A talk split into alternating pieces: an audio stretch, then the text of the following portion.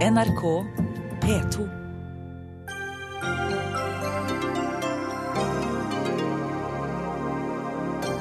Norwegian splitter de skandinaviske pilotene i tre nye selskaper. Det var enten det eller konkurs, sier flyselskapet. Det føles som en pistol mot hodet, svarer pilotene. Og hvis Norwegian kan, kan alle norske selskaper plassere arbeidstakerne i datterselskaper og leie dem tilbake?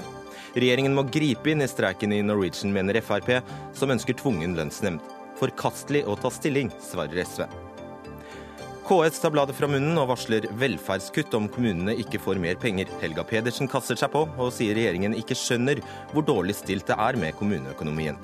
Og Elevorganisasjonen vil la elevene få være med å ansette lærere. Vi spør Elevorganisasjonen hva slags kompetanse tiåringer har til sånt.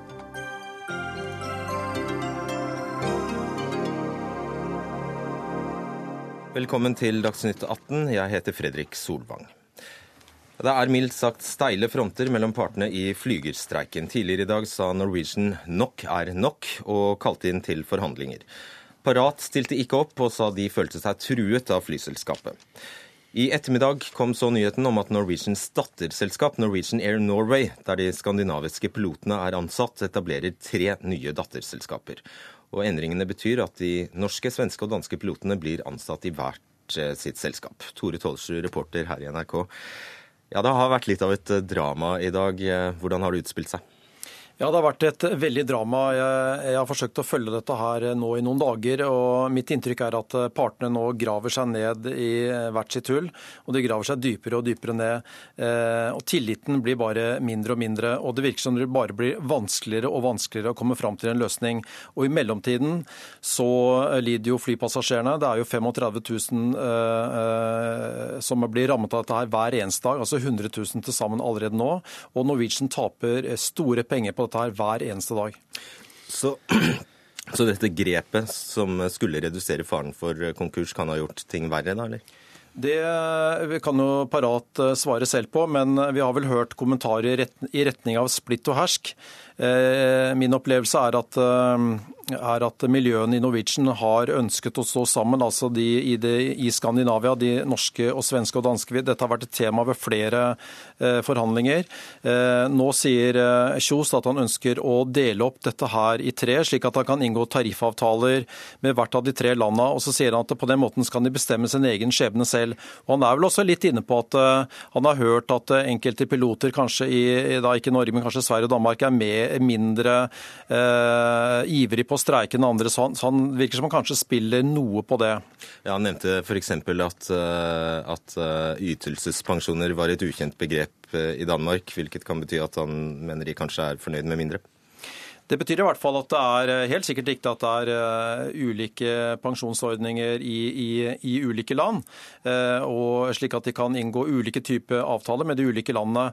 Men vi så her i går hvordan Parat reiste fra land til land for å sikre seg støtte for å heve moralen. Mitt inntrykk er at de, de langt fleste pilotene i Skandinavia står bak Parat og norske fagforeningen her. Og dermed endrer ikke denne nye strukturen noe? Det kan du jo svare på selv, men, men, eh, ut fra de kommentarene som er gitt fra Parat, så mener jo de tvert imot at dette er utidig. De peker jo også på at en, lignende ting har skjedd før. At Norwegian kommer med omstruktureringer og oppretter nye selskaper osv. under en mekling. og det, eh, Så vidt jeg forstår med kommentarene, så gjør ikke det saken noe enklere, i hvert fall. Og ingen stilte opp til dette møtet som var eh, innkalt til klokka tre? Nei, de, allerede før klokka var tre så sa de jo veldig klart at det ikke var aktuelt. Tvert imot så pekte de på at de hadde sittet fem timer i natt og forhandlet. Og da sier de iallfall selv at de, de var villige til å gjette på en rekke punkter, men ikke på hovedpunktet, nemlig hvem som skal være den reelle motparten. De er veldig opptatt av at de inngår en avtale med morselskapet, og ikke med dette Norwegian eh. Takk skal du ha, Tore Tollersrud. Og Eh, midt oppi dette så kommer det nå et eh, innspill fra Fremskrittspartiet som eh, ber om at regjeringen griper inn i streiken i Norwegian. For eh, streiken i selskapet har nå fått så omfattende samfunnsmessige konsekvenser at regjeringen bør gå inn med tvungen lønnsnemnd. Det hevder du, eh, stortingsrepresentant for Frp Erlend Wiborg. Mens eh, SV så mener at Frp-utspillet er forkastelig og vitner om lav respekt for spillereglene. Wiborg, du er medlem i arbeids- og sosialkomiteen for Frp. Hvorfor foreslår du dette? Nei, For det første, det jeg har eh, ikke sagt at det er aktuelt med tvungen lønnsnemnd nå. Men jeg har sagt at eh, regjeringen nå må vurdere om vilkårene for, eh, for tvungen lønnsnemnd nå er oppfylt. Og grunnen til det er at, For det er strenge krav for å kunne ha tvungen lønnsnemnd. Men hvis det er eh, vesentlige samfunnsmessige interesser, eller vitale samfunnsinteresser, så eh, er det et krav som gjør da eh, at regjeringen eventuelt kan gå inn og gripe inn. Og Hvilke for, interesser skulle det da være snakk om? Nei, det er flere. Vi, allerede vet vi at over 100 000 passasjerer er rammet. 35 000 passasjerer hver eneste dag.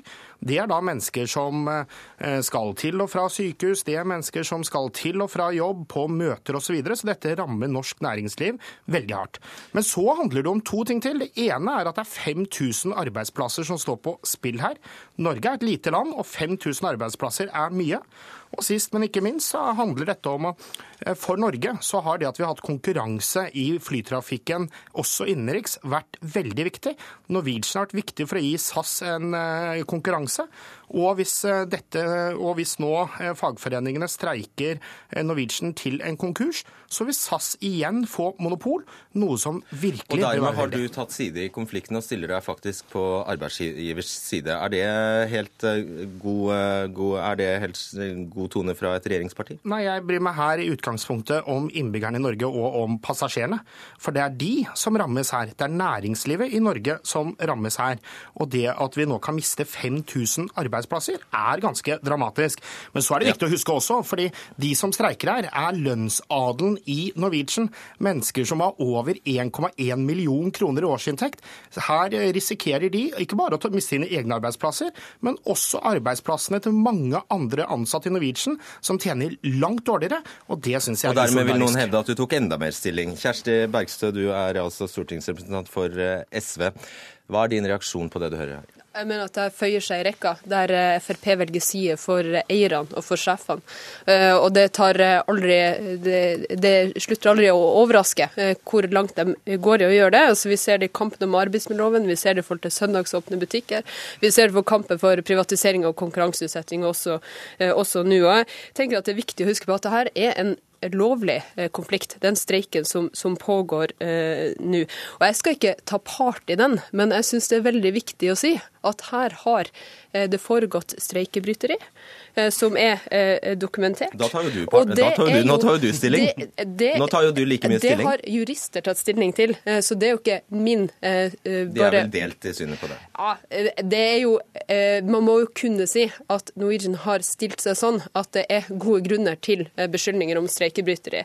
Og så registrerer jeg også at det fra fagforeninga sin side kommer beskyldninger om, eller påstander om, at man organiserer seg på et vis som også gjør det vanskelig å operere som fagforening. Men det som er viktig her, det er jo at det er totalt i strid med eh, tradisjonen innenfor hvordan vi skal eh, løse eh, spørsmål eh, som, eh, som, det her, eh, og drive med aktivitet som kan knyttes opp til, til streikebryteri. Og da syns jeg at det er spesielt respektløst når det er inne i en så betent situasjon, det er eh, tungt å stå i, i konflikt, eh, så eh, syns jeg det er ganske usmakelig å gå ut med, med krav om, om tvungen lønnsnemnd. Da vil sikkert Wiborg si at uh, hans engasjement er uh, for passasjerene, f.eks.? Ja, det er passasjerene som er, og tredjepart som er den uh, uskyldige her. Uh, mitt engasjement handler ikke om Bjørn Kjos eller eierne i Norwegian, men det handler om at Norge er et langstrakt land.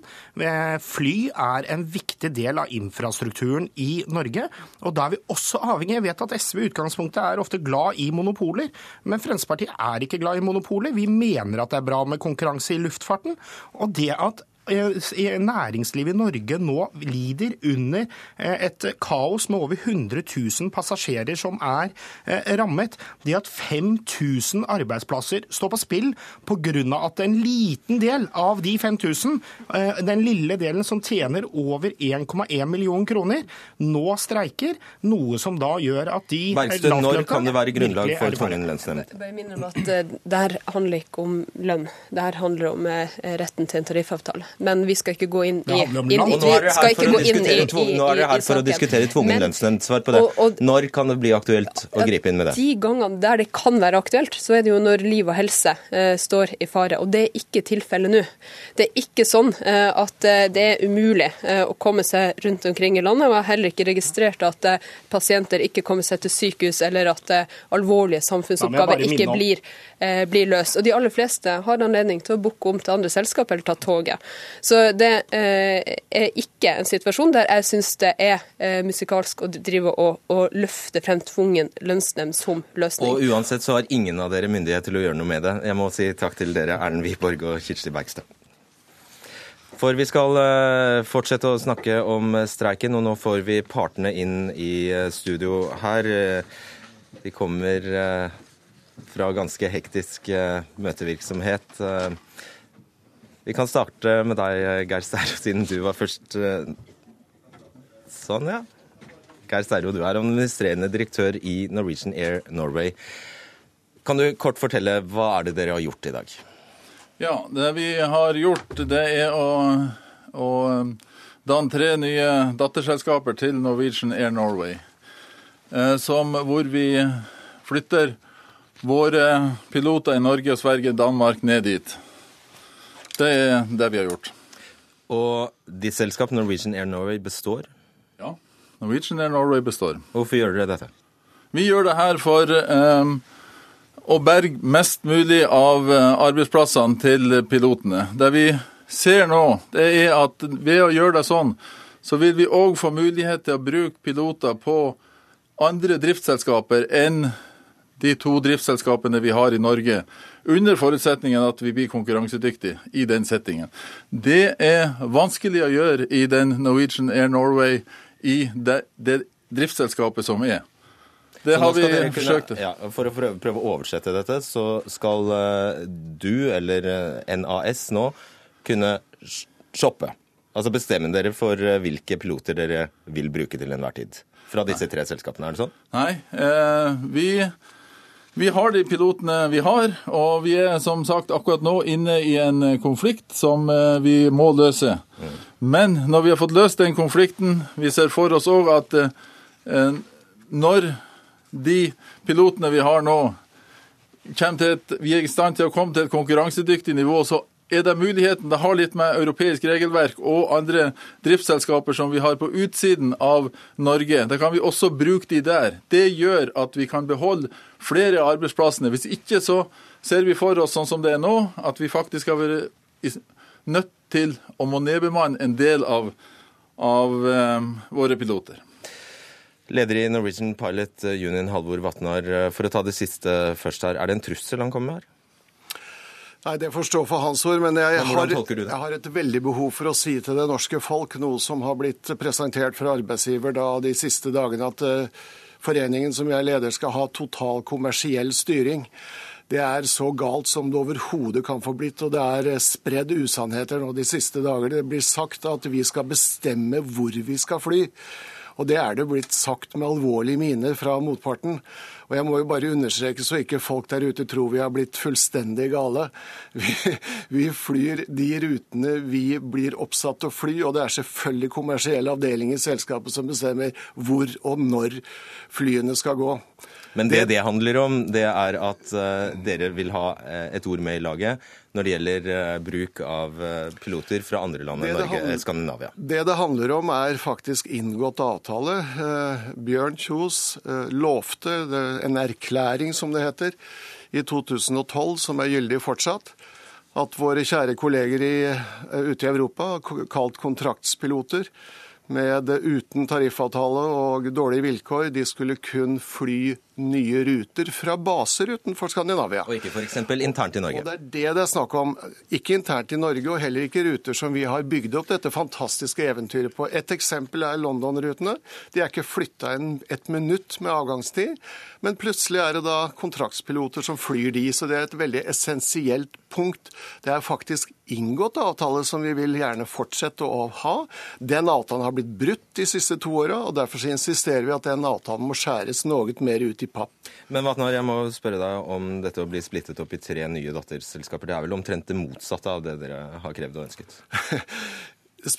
Uh, altså, det, altså Fakta uh, endrer ingenting.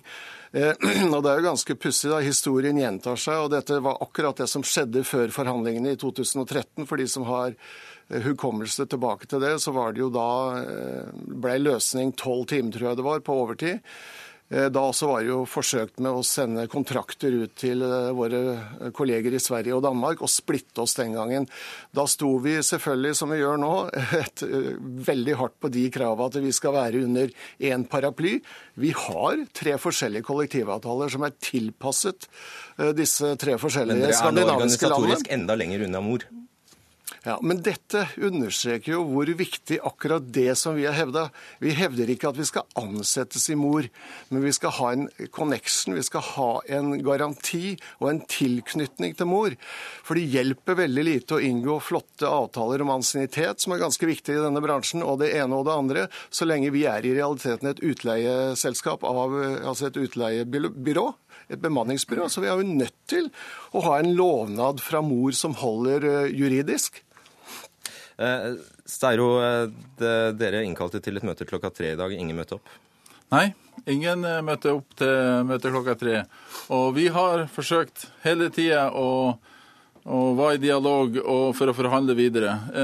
Vi har også hatt møte tidligere og, men eh, siste møte, da det ble avbrutt, eh, vi diskuterte i natt Vi er nødt for å ta vare på våre passasjerer.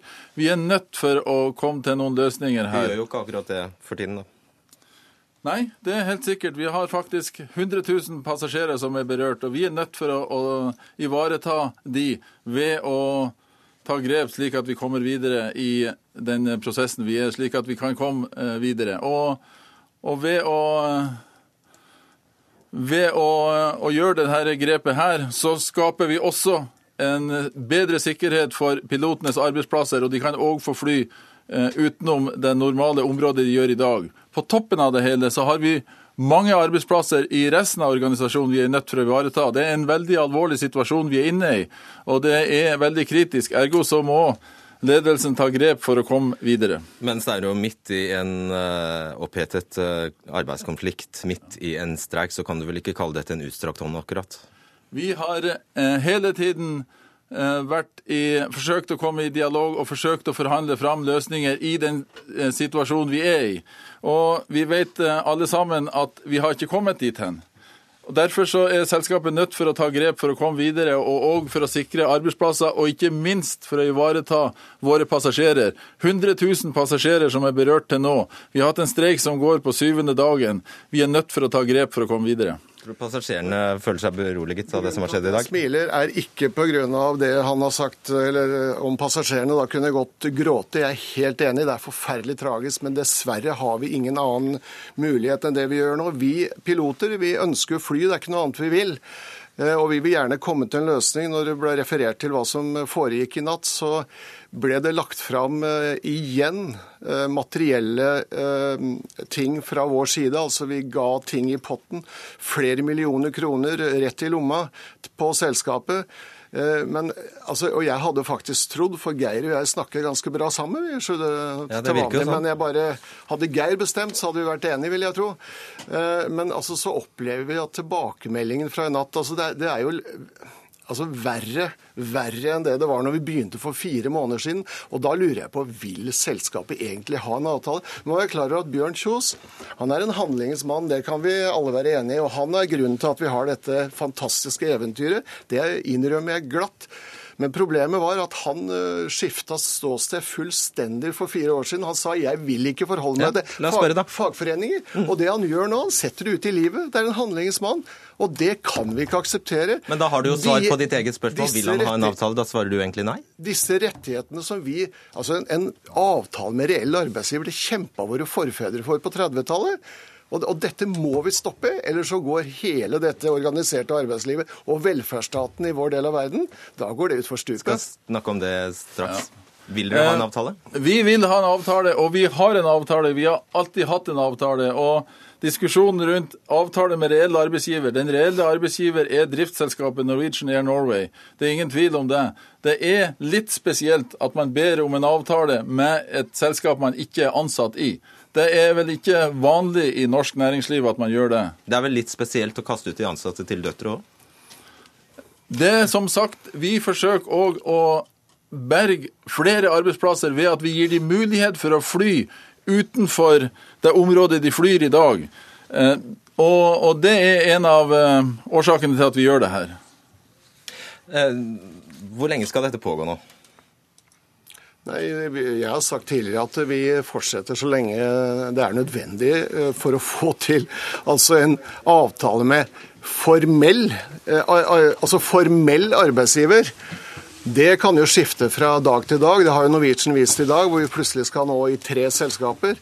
Det er formell arbeidsgiver. Men reell arbeidsgiver Så det, det, som har blitt gjort nå i ettermiddag, det understreker jo viktigheten av å ha avtale eller en connection, en garanti med reell arbeidsgiver. For formell, som sagt, for å gjenta meg selv, det kommer skifte fra dag til dag. Og det har skjedd ganske mange ganger de siste åra hos oss. Eh, dere blir her. Vi skal fortsette å snakke om Norwegian og for så vidt eh, ikke bevege oss veldig langt fra eh, kjernen her. Men vi skal nå snakke om at hvis det er slik eh, Norwegian hevder at det er helt i orden å plassere ansatte i datterselskaper, så kan jo det få konsekvenser også for andre yrkesgrupper. Og samtidig med streiken har altså Norwegian-pilotene varslet søksmål mot Norwegian for å få prøvd om ikke den reelle arbeidsgiveren er morselskapet Norwegian Air Shuttle. Om Bjørn Kjos skulle gå seirende ut av denne bataljen, hva innebærer så det for andre deler av norsk eh, arbeidsliv? Vi lar spørsmålet først gå til deg, Elin Ørjasæter. Du er førstelektor på Markedshøgskolen i personalledelse. Hva er svaret ditt på det spørsmålet? Svaret mitt er at uh, dette, dette, er dramatisk. Fordi eh, det ble jo sagt her at den reelle arbeidsgiveren er Norwegian Air Norway. Det var det du som sa. Men realiteten her er jo at det er et selskap som er heleid av Norwegian. Uh, du er ansatt selvfølgelig av eier, og de er én en eneste kunde. Og det betyr f.eks. la oss si at kringkastingssjefen nå bestemte seg for å ta journalisten i NRK eh, og eh, sette ut i et eget datterselskap hvis eneste funksjon var å leie ut journalister og produksjoner, det leier jo ut bemannede fly av, en datamaskin. Til, Eh, ja, til eh, NRK. Altså hadde han et annet datterselskap for eh, radioteknikere og et for TV-teknikere. Hvis dere journalister da streiker, så kan han leie inn andre journalister fra andre, et selskaps XYZ der ute som, som, har eh, journalister. Og da blir det jo ikke noe inntekt i det selskapet du jobber. Og så kan man si at OK, da er det konkurs. Det Bjørn Kjos gjør her, det er jo å bruke selskapsrettslige krumspring til å knuse hele stillingsvernet og arbeidsretten. Men alt er jo lov? Ja, og det er det interessante. Fordi at vi har helt lovlige selskapsrettslige eh, ting på den ene siden. Eh, til og med kanskje hensiktsmessige. Vi så børsen steg i dag. Aksjen, Norwegian-aksjen steg. Det på den ene siden. Og så har vi stillingsvern og arbeidsrett, tariffavtale på den andre siden. Disse krasjer, og de kommer til å krasje i retten nå. Det er det diskusjonen i arbeidsretten kommer til å handle om. Ja, eh, Edvard Bakke, du er advokat i LO. Både vi journalister og pilotene har jo hovedavtale, og vi har eh, en arbeidsmiljølov som skal beskytte oss. Men hvor mye er det verdt hvis dette faktisk skjer? Altså Hvis det skjer, eh, og hvis det blir akseptert av domstolene, så eh, har vi jo lite å sitte igjen med. Eh, og hvor er vi da? Da er vi i et arbeidsliv som vi nok ikke vil være i. I hvert fall ikke de fleste av oss. Men det som er viktig å understreke her, det er jo at det som skjer her i Norwegian, uten at jeg skal ta stilling til den konflikten, det er jo ikke noe nytt. Altså Det at norske arbeidsgivere i, i, i årevis har forsøkt å tilpasse seg et lovverk på en måte som best gagner dem eh, og, og, deres interesser. Det er helt selvsagt, og det må man for så vidt bare akseptere. Det er jobben deres. Det er jobben deres. Eh, men da er det for så vidt eh, fagbevegelsens jobb, da, LOs jobb, å ta den kampen mot dem. Og, og det har vi gjort, det har vi gjort i, i, hundrevis av år, har jeg nær sagt. Og det vil man helt sikkert gjøre igjen.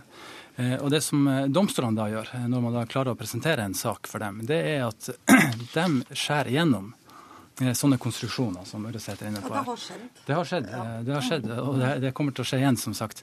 Eh, og, og når de skjærer gjennom og får disse sakene presentert for seg, så tar jo de stilling til de reelle underliggende forholdene. Det er det denne diskusjonen dreier seg i. Og Hva er da spørsmålet domstolen skal ta stilling til? Om hva er det som teller mest her? Er det selskapsretten? At et selskap får lov å lage så mange datterselskap de vil? For å overleve? For å overleve i et knalltøft marked som dette er, eller er det de ansattes rettigheter som ligger både i arbeidsmiljøloven, stillingsvernet og tariffavtalene? Men jeg har jo lyst til å si til deg da, at akkurat nå er det jo ikke LO som står på barrikadene. De som står i denne knalltøffe konflikten, det er eh, YS. Og det er ikke Du sier dette er helt vanlig, men altså det at en arbeidsgiver midt i en storkonflikt gjør en den type omorganisering, det kan ta pusten av deg. Enten du generelt holder med arbeidsgiver eller med arbeidstaker, så skjønner du at dette er virkelig titanenes kamp i lufta. Det er den mest dramatiske konflikten jeg kan komme på på lang, lang tid i ja, Bakke, Norge. Dere er litt, eh, LO er litt uh, fraværende. Nå er jo, er jo ikke part i saken, men dere er uh, kanskje litt uh, fraværende, og kanskje dere har brukt opp alt kruttet på å gyve løs på små endringer i arbeidsmiljøloven? Så nå har det sånn at Norwegian er organisert i parat som et YS-forbund, sånn at LO er per definisjon ikke part. sånn at Det kan ikke gjøre noe med. Ja, Vatnar? Altså, Det blir sagt å overleve i et beintøft marked, ja. Det er klart. Men jeg, jeg, har vært med i dette selskapet i 20 år. Bygd stein på stein, som vi sier. Vi har gått ned i lønn eh, frivillig. Vi har uh, fått aksjeopsjoner i tillegg. Har, uh, jeg har opplevd faktisk at Bjørn Kjos har klappa meg på skuldra for en del år tilbake og sagt uten Pilotforeningen hadde ikke vært noe Norwegian. Så, og, og vi er vi har tatt inn over oss eh, alltid at vi skal være konkurransedyktige. Og Bjørn Kjos har sagt det for bare to år siden. Dere pilotene er konkurransedyktige over hele verden. Så det dette dreier seg om, det er hans kursendring for fire år siden. Jeg vil ikke forholde meg til fagforeninger.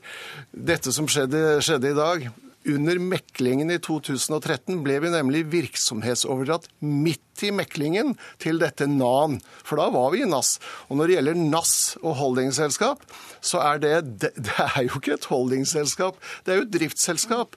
De har alle ansatte, i tillegg til og med lærlinger som flyr. Men de har ikke kabinbesetning og piloter der. Så, så, så det, det, henger ikke på greip, for å si det sånn som vi sier det der jeg kommer fra i Vestfold. Stero, kan du se at det dere gjør nå innebærer et ganske stort og dypt brudd med det vi kaller nordiske, eller prinsippene i den nordiske modellen? Nei, Årsaken til at vi gjør det her, det har jeg forklart tidligere, og jeg har ikke tenkt å, å gå inn på det en gang til. Når det gjelder det vi snakker om med fagforeninger Vi har hatt kollektivavtaler med alle arbeidsgrupper i Norwegian. Vi har heller ingen intensjon om å ikke ha det fremover. Og vi har full respekt for, eh, for den delen. og, og eh, og det viderefører vi. Det er ingen tvil om det. Årsaken til Det er en diskusjon om, om eh, datterselskaper og oppbygging av datterselskaper. Norwegian har startet som et lite lokalt norsk selskap og er faktisk et internasjonalt selskap. Vi er nødt for å bygge flere selskaper for å kunne få trafikkrettigheter for å fly ut ikke bare fra Norge, i Europa, til eh, USA, fjerne østen og hvor som helst. Vi har 240 fly i ordre vi skal trafikksette. Vi er nødt for å utvikle oss i denne ekstreme konkurransemessige situasjonen. Og Ørjasæter, ingen er uenige om at her i denne bransjen må kostnadene kuttes? Nei, og det er jo akkurat det vi ikke helt vet detaljene på. Det er hvor mye har pilotene vært villige til å gi osv. Vi vet jo at dette er en bransje hvor lønnene ikke kan stige fordi piloter er utbyttbare. Akkurat like utbyttbare som renholdsarbeidere. Det som er spesielt med Bjørn Kjos, det er at han bryter vanlige spilleregler i norsk arbeidsliv. Og hvis du er arbeidsgivervennlig, så kan du si det er bra, han er tøff nok, han er tøffere enn alle andre. Men eh, hvis du ser dette fra de ansattes side, så er det noe av det roeste jeg har sett i noen norsk arbeidskonflikt, det han gjør nå. Bakke, du skal få male fanden på veggen. det, det, som jeg tenker ut fra et arbeidstakerperspektiv er særlig viktig å fremholde, det er at når man har dette kravet om å ha en tariffavtale med en reell arbeidsgiver, og ikke med en, en, en, arbeidsgiver som man bare kan legge konkurs, mm. så er det fordi at eh, i et arbeidstaker-arbeidsgiverforhold så er det en grunnleggende maktubalanse. Og det kommer man seg aldri unna.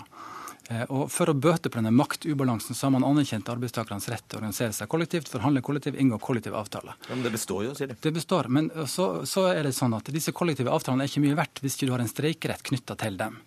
Eh, og, og, Derfor så må du da, eh, når du har disse avtalene og dem sies opp, så kan du gå til kamp. Altså En, en tariffavtale det er en fredstraktat, men når tariffavtalen er borte, så kan du slåss. Det, det følger av systemet. Og da har du lov til å slåss for å påføre motparten skade. Og da må du jo påføre den motparten som faktisk må blø skade, ellers så har det ikke noe hensikt. Veldig kort til slutt, Vatnar. Dette kan bli deres siste streik. Eh, det kommenterer jeg selvfølgelig ikke. Men Geir sier at vi har alltid hatt avtale. Ja, men vi har dessverre opplevd at avtaler brytes. Og så sier det er en påstand. Fra de siste ti åra så har vi hatt et seks rettssaker. Amatørene i min forening og advokaten Bjørn Kjos, vet du hva stillingen er? 6-0 til foreningen. Det må vi altså ta inn over oss. Det, det, er, det skulle jeg gjerne hørt deg kommentere. Ja, eh, Halvor, eh, Halvor, jeg har sagt det mange ganger. Vi ønsker, og vi forholder oss til avtale, det er ikke noe tvil om det. Det, og, ja, det sier jeg. Og vi, kan, diskutere, vi har diskutert mange ganger det her, Halvor. Det er en påstand som du kommer med som 6-0. Ja, jeg hører, jeg hører hva du sier, men definitivt. Siste ord. Du får siste ord. Hva bør fagbevegelsen gjøre nå? Oi, det var litt av et spørsmål. Å være mer interessert i selskapsrett og eh, disse problemstillingene enn det å toge rundt i Oslo pga. mikroskopiske endringer i arbeidsmiljøloven. Og der syns jeg LO bør skjerpe seg. For det er, det er faktisk feil. Hvis du hadde fulgt med på arbeidsretten de siste ti årene, så vet du at LO har tatt kamp på kamp på kamp og vi har vunnet frem med Høyesterett gang på gang på gang. Så det er ikke riktig det du sier. Jeg skjønner at det, det, er mange ting man skal ta vare på. Men er du enig i at dette er viktigere enn de små endringene som Robert Eriksson Eriksson har, uh, har kommet med. Altså, Dette er helt grunnleggende. Det er, Dette er grunnleggende. Det er grunnleggende. At det er grunnleggende er faktisk alle enige om, så da lar vi det være med det. Geir Steiro, Halvor Vatnar, Edvard Bakke og Elin Ørjasæter, tusen takk. Dagsnytt 18 alle hverdager kl 18.00 på NRK P2 og NRK2.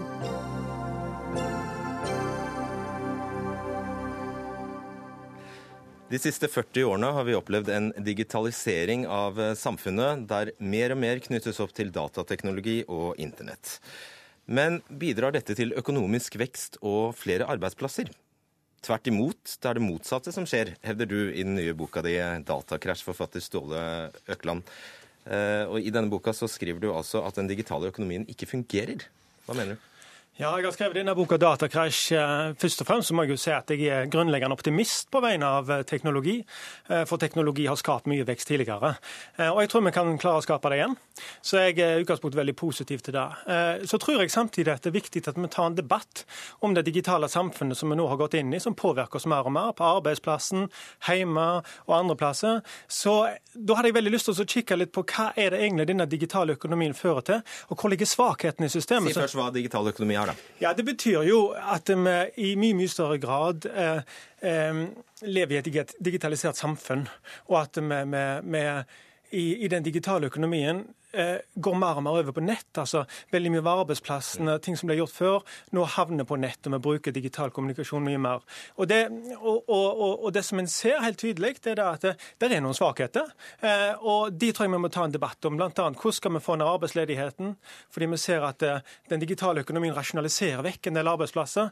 En netthandel f.eks. trenger bare en tredjedel så mange ansatte som, som, en vanlig butikk.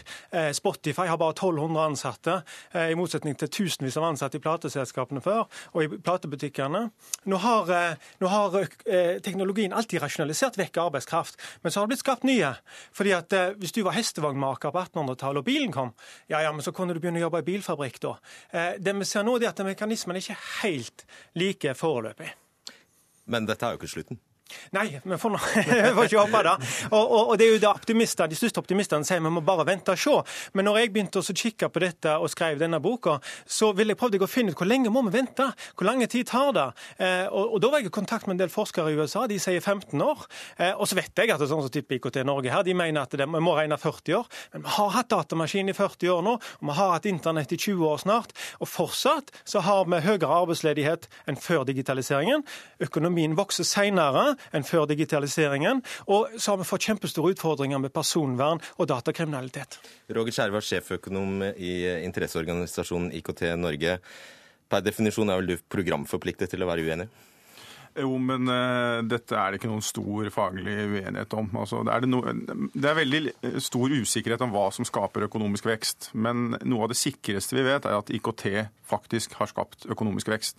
For en måned siden så kom Statistisk sentralbyrå med en litteraturstudie hvor de har gått gjennom en rekke forskningsresultater, sju store makrostudier som alle konkluderer med at eh, IKT har skapt vekt. Fordi det, det, går så det suser i verdensøkonomien? Eller? Nei, og så er det ikke sant, Også, og det er liksom på en måte det som er bevisførselen til Økeland. da, at Siden vi de siste tiårene har hatt lavere økonomisk vekst enn vi hadde de første tiårene etter annen verdenskrig, så har ikke IKT gitt økonomisk vekst.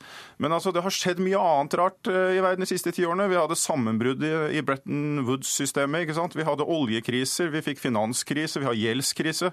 Eh, og, eh, og, internett kan ikke alene oppveie for alle andre feil som gjøres i den økonomiske politikken, eller, eller dårlige strukturer i makroøkonomien. Men strengt tatt har ikke du noe mer bevis? Det, er gjort, altså det er gjort masse studier om dette, og, og, og, forskere er Til og med Robert Gordon, som han viser til, eh, han har klart å finne en amerikansk økonom som er kjempepessimistisk.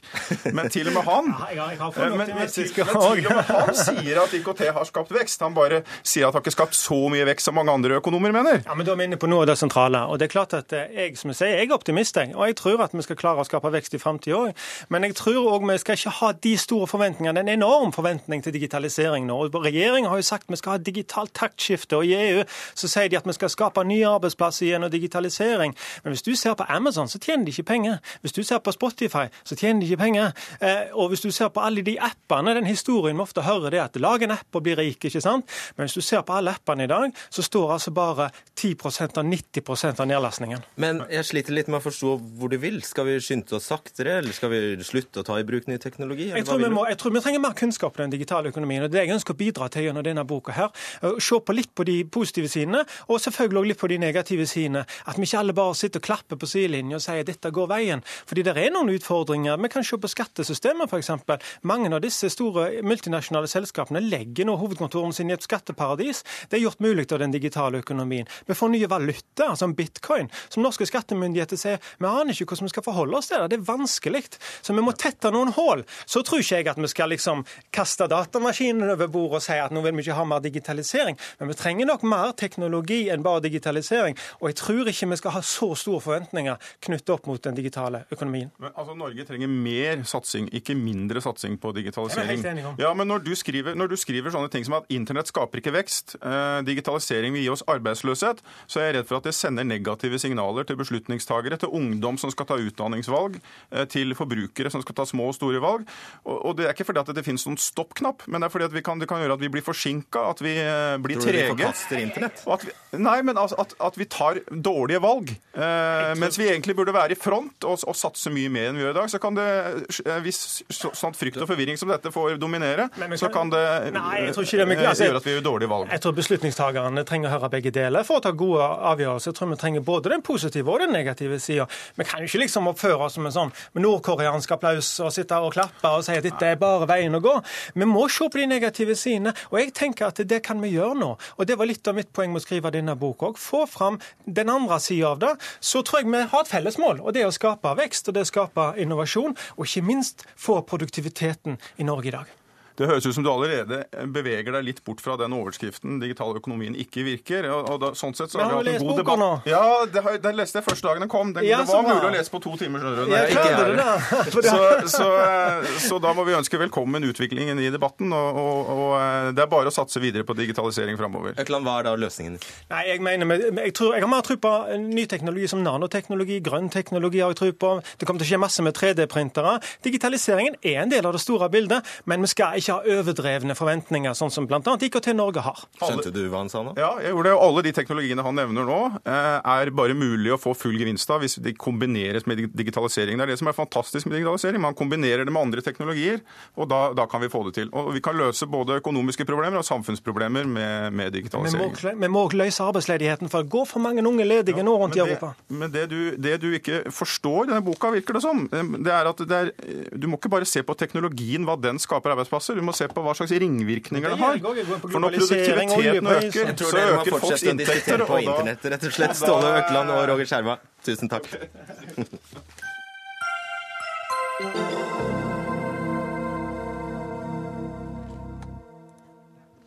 Én milliard kroner. Ja, Det er eh, beløpet Statistisk sentralbyrå og Norges Bank regner med kommunene vil tape i skatteinntekter i 2015. Årsaken er fall i oljepriser og dårligere økonomisk vekst enn forventet. Så resultatet for folk flest er mindre penger i kommunene til f.eks. skole, helse og eldreomsorg. Nå er skattesvikten så kraftig i kommunene at regjeringen må få hjelp, mener Arbeiderpartiet. Det spørs om eh, det er det regjeringen vil stille opp med. Men først, eh, for å male det fullstendige bildet eh, for oss styreleder i KS, Gunn Marit Helgesen. Eh, dere har ifølge Klassekampen tidligere latt være å kritisere regjeringen for uh, ikke å kompensere skattesvikten, men nå roper dere ut. Hvorfor det? Jo, fordi vi ser at utviklingen i norsk økonomi utvikler seg veldig mye svakere enn det vi har sett Eh, på veldig lenge. Eh, og denne skattesvikten som eh, vi har resultatet av for 2014, er betydelig. Og det er klart at med de ambisjonene som både regjering, storting og vi sjøl har i kommunesektoren for å skape gode velferdstjenester til innbyggerne, så henger ikke inntektene sammen med kostnadene. Og da sier vi at, Hva går det utover da? Nei, Da går det utover de velferdstjenester som kommunene har ansvar for. Bl.a. skoler, veier, kollektivsatsinger, rus, psykiatri, barnevern osv. osv. Det vi sier nå er at det ser ut som også denne skattesvikten fortsetter inn i 2015. Iallfall tall for januar kan tyde på det, eller viser det. Hvis denne skattesvikten fortsetter, så ber vi regjeringen om å vurdere om man ikke da må kompensere for denne skattesvikten. I revidert, f.eks.? I revidert.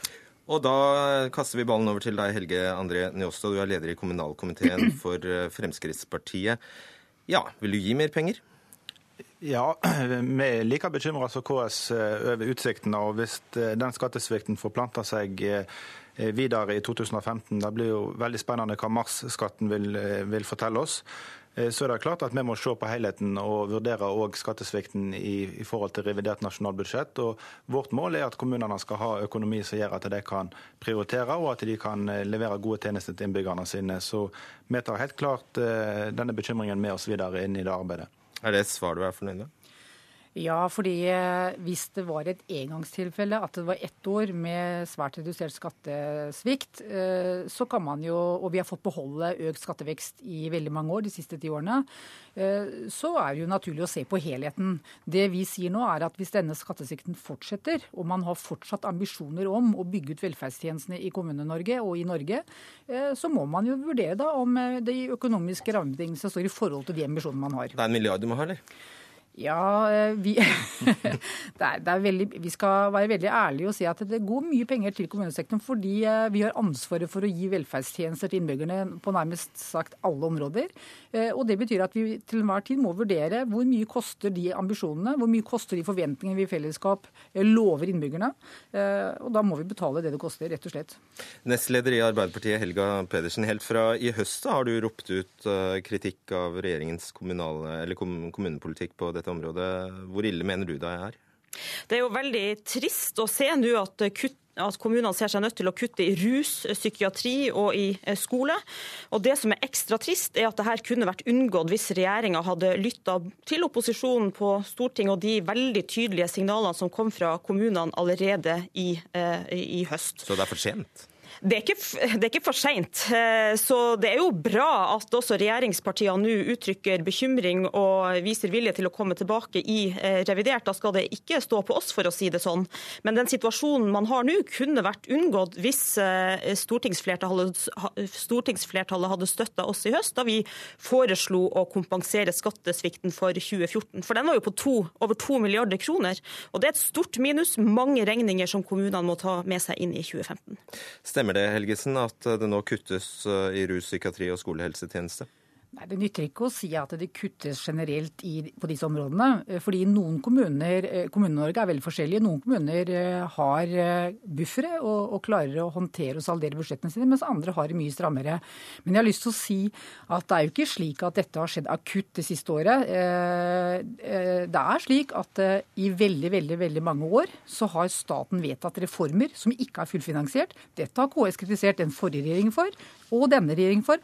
Hvis man vedtar reformer, så må man betale fullt ut hva det koster. Så det er jo i mange år har kommunene sittet og hatt tøffe politiske prioriteringer, kutta budsjetter for å klare å, å saldere med de økonomiske rammene som staten og Stortinget og regjeringer men, setter. Men, men er, du villig til, er, er du villig til å ta ansvar for de eventuelle kuttene som allerede har skjedd i kommunene på rus, psykiatri og skolehelsetjeneste, som da er regjeringens hjertesaker?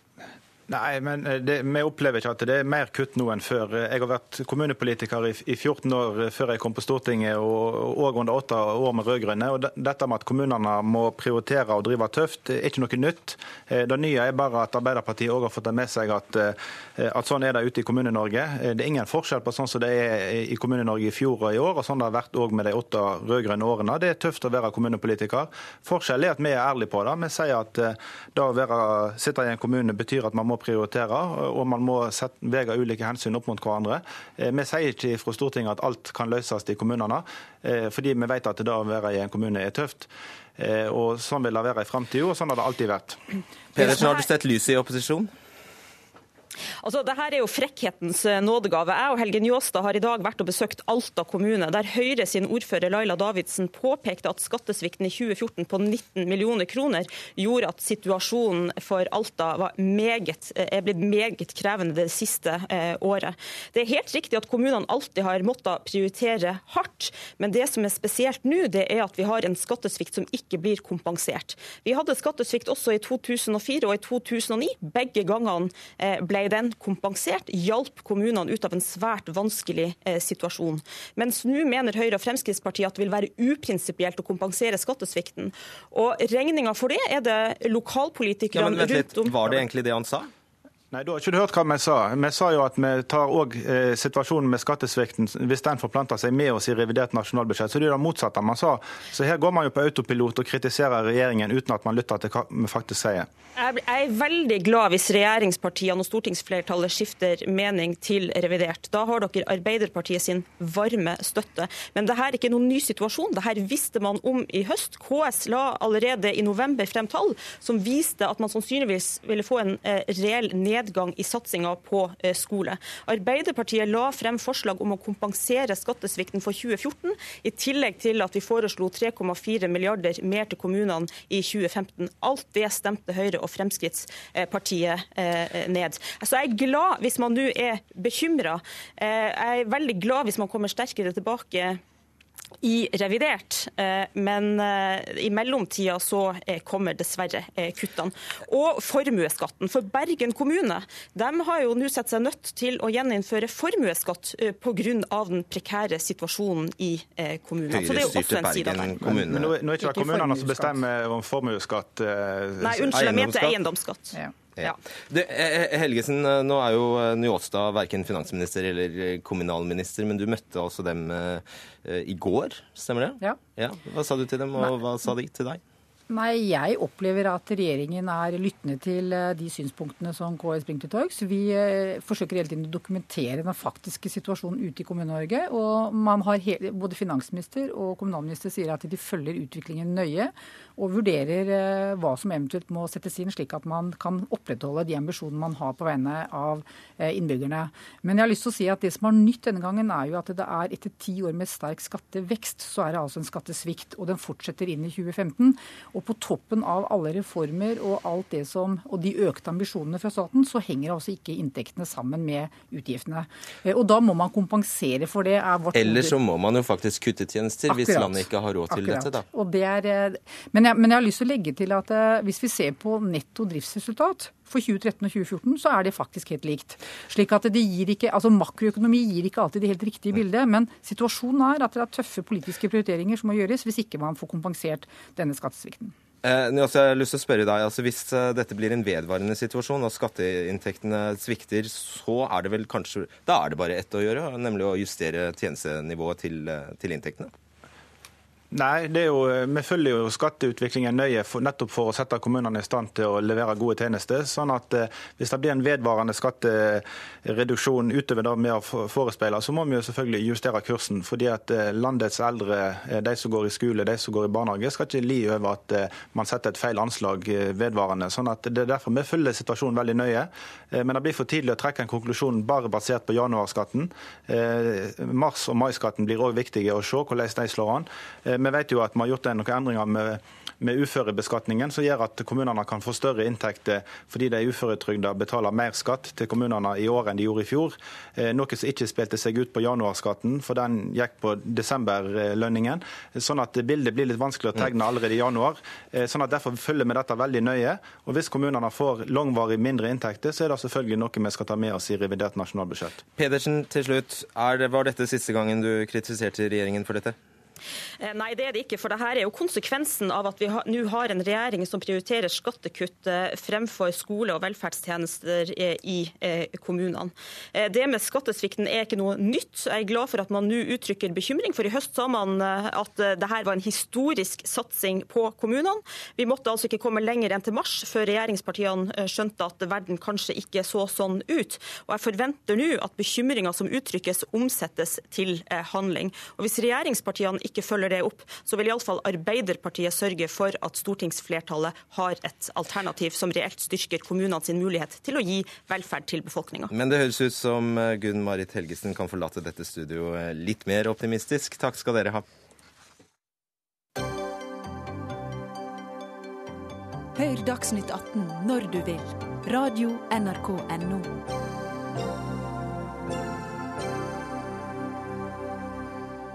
Kvinnebevegelsen kjemper mot retusjert reklame og privatisering av barnehager, når de burde brølt mot kvinneundertrykkelse i moskeer og muslimske miljøer. Ja, Det skriver du i dagens eh, VG tre dager før kvinnedagen, Sylvi Listhaug, landbruksminister fra Fremskrittspartiet. Men du er, altså bare for å klargjøre det, du har også en annen rolle? Ja. Jeg er leder av eh, Frp sitt kunnskaps- og familieutvalg, så det, er den rolla jeg Det er den hatten du har på deg i dag. Ja. Hvorfor er det nettopp de muslimske miljøene som bør få mest oppmerksomhet på 8. mars? Det er fordi at jeg mener at 8. mars må handle om de som ikke har like muligheter. De kvinner som ikke har like muligheter. Og da er det sånn at det, I Norge så er det noen som ikke har det. Og ikke minst internasjonalt så er det mange kvinner som ikke har samme muligheter. Det handler om at de blir tvunget til, til å gifte seg med noen de egentlig ikke ønsker å gifte seg med. De får ikke velge ektefelle. Det handler om at uh, unge jenter blir skamfert i underlivet, ødelagt for livet gjennom kjønnslemlestelse. Og det handler om at også, uh, det foregår arrangert ekteskap som da er skjult tvang. Så jeg mener at disse tinga 8. mars burde dreie seg om, og ikke det å, å skape nye gode for norske kvinner som kan velge sjøl i form av pensjonspoeng, i form av lønn, i form av gods og gull, som da er i fokus denne dagen. Det syns jeg er synd. Og det er altså i en slik situasjon Inga Marte Torkelsen, fremdeles nestleder i SV og tidligere likestillingsminister, at uh, hovedparolene under årets 8. mars er nei til skjønnhetstyranniet. Ja, nå er det vel flere paroler enn som så. Det. Eh, ja, det pleier å være ganske mange å velge mellom, Nei og det er jo bra. salg av barnehager og ja til sekstimersdag. Ja, og det er mange andre paroler også som eh, folk flokker seg rundt i det ganske land, og det er veldig bra. Eh, Vold er f.eks. en av dem. Og det som vi er opptatt av i SV, og som jeg er opptatt av, det er at vi må kjempe mange kamper på en gang. Helst også sammen med menn. Eh, Vi savner jo ofte dere der, fordi at eh, dere tjener også veldig mye på at vi forandrer oss og får en mer likestilt og inkluderende samfunn, der hvor det f.eks. også er mulig å være homofil uten å bli utsatt for veldig mye diskriminering. Det henger jo også sammen med kvinnekampen og mange av de tingene som har vært gjort før. Eh, Hvis vi begynner å snakke som om her har vi oss, og så er det de andre der borte, og de må vi redde, så eh, gjør vi en stor feil. Det ene er at det blir vanskelig egentlig å få effekt ut av det, for folk går i forsvar. og så nekter de for at de har et problem. For det blir sånn, ikke sant, et angrep, og da samler man seg. Det er det ene. Det andre som skjer, er at vi svikter de som da har store problemer i det norske samfunnet i dag. Det ene dreier seg om tilbakeslag på det vi allerede har oppnådd. Vi vet at når vi slakker på kravene, så begynner tilbakeslagene. Men det andre er knytta til vold og overgrep, f.eks., som er et område som jeg er spesielt opptatt av da, og jobba mye med. Så ser jeg jo at der er det en kjempehøy andel av etnisk norske hvite kvinner og også menn, gutter og jenter, da, som er utsatt for overgrep. Eh, og hvis vi begynner å snakke som om det ikke er et problem lenger, at det bare er de mørke eller muslimene eller noen andre da, enn oss som har et problem, så svikter vi radikalt. Er du nødt til å si enten-eller? Ja, jeg mener det er viktig å sette søkelyset på disse som blir utsatt for ting som oss i det norske samfunnet trodde oss hadde forlatt. Altså tvangsekteskap, kjønnslemlestelse. Det er jo skikker som er så langt utafor det vi kan tolerere her i landet, og som vi bør tolerere internasjonalt. Men det er dere jo ikke uenige om? Nei, men vi, det vi er uenige om, det er at eh, vi bruker 8. mars til å forfekte synspunkter som gjelder oss kvinner i Norge, som faktisk har like muligheter til å jobbe privatisering mot barnehager. altså Alle som jobber i barnehage, har jo muligheten til å velge om de vil jobbe i en privat eller offentlig barnehage. Jobber du i sykehjem, altså det er jo offentlige og private sykehjem. Og Når det er debatten, så blir det veldig snevert. For for meg så handler dette her om de som da eh, faller utenfor og faktisk ikke får bestemme over sitt eget liv. Ser du det kan være et poeng at ikke alle muslimske kvinner eh, syns det er helt topp at Sylvi Listhaug går i tog for dem? Jeg syns at det hadde vært en stor fordel at eh, de ikke gikk i tog for meg, men at de gikk i tog for alle de som blir undertrykt. De som ikke får bestemme over sitt eget liv, de som ikke får lov til å delta i samfunnet på lik linje med det oss gjør. Og når du snakker om å gå i forsvarsposisjon, så mener jeg det er jo problemet til venstresida og kvinnebevegelsen. At hver gang du prøver å ta opp et sånt tema, så går de raskt over til å snakke om at vold det utøves jo også av etnisk norske menn. Ja, det er det. Og jeg syns det er like ille. Men jeg mener at uh, tvangsekteskap og kjønnslemlestelse fortjener mer oppmerksomhet. Og jeg må fortelle, min, min kamp er pågått siden slutten av 90-tallet. Da møtte jeg ei av de jentene som sto fram den gangen, som fortalte meg at uh, når når jeg var, altså når jeg ble konfirmert, da ble hun tvangsgifta med en mann hun ikke ville gifte seg med. Mm. Når jeg var russ, da var hun, eh, fødte hun et barn med denne mannen her. To jenter vokste opp i samme samfunn, og så vanvittig ulikt eh, utgangspunkt. Og det er disse jentene vi er nødt til å stå opp for, og det bør vi bruke 8. mars til å gjøre. Ja, jeg er helt enig i at eh, det er et av de temaene som vi må bruke 8. mars til å sette søkelys på. Vi må jobbe med det resten av året òg. Jeg husker jeg fikk spørsmål om det fra Siv Jensen da jeg var minister. Og da var det liksom rett før sommerferien. Det var eneste gangen det kom opp, tror jeg. Det var da, liksom. Vi må faktisk bruke alle anledninger vi har til å snakke om dette også. Og jeg begynte også på 90-tallet å jobbe med tvangsekteskap. Eh, og opplevde den gangen at det var lite gehør for det. Annet på venstresida. Jeg var kritisk til det.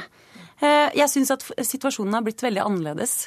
Eh, men i dag så er jeg veldig redd for at vi glemmer at det er veldig mange ting som folk sliter med eh, når de kommer til Norge og har en annen kulturell eller etnisk bakgrunn.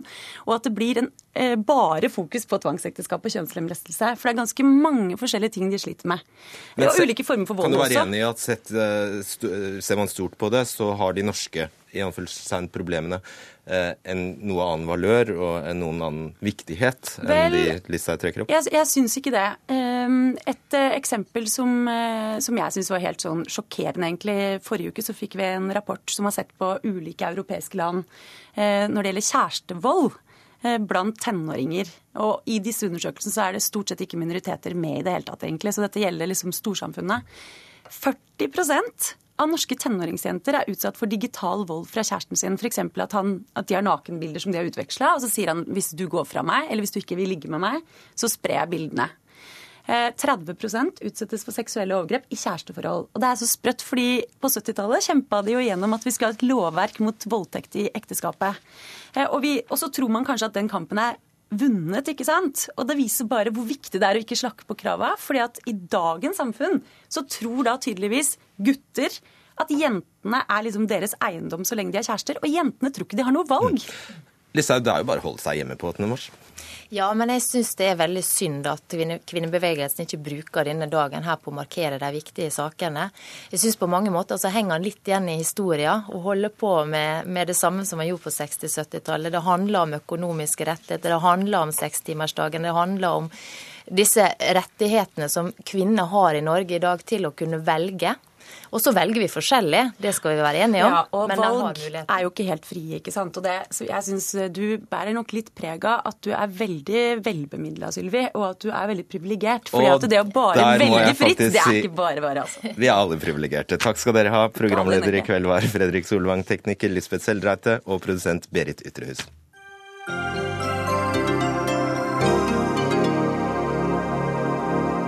Hør flere podkaster på nrk.no podkast.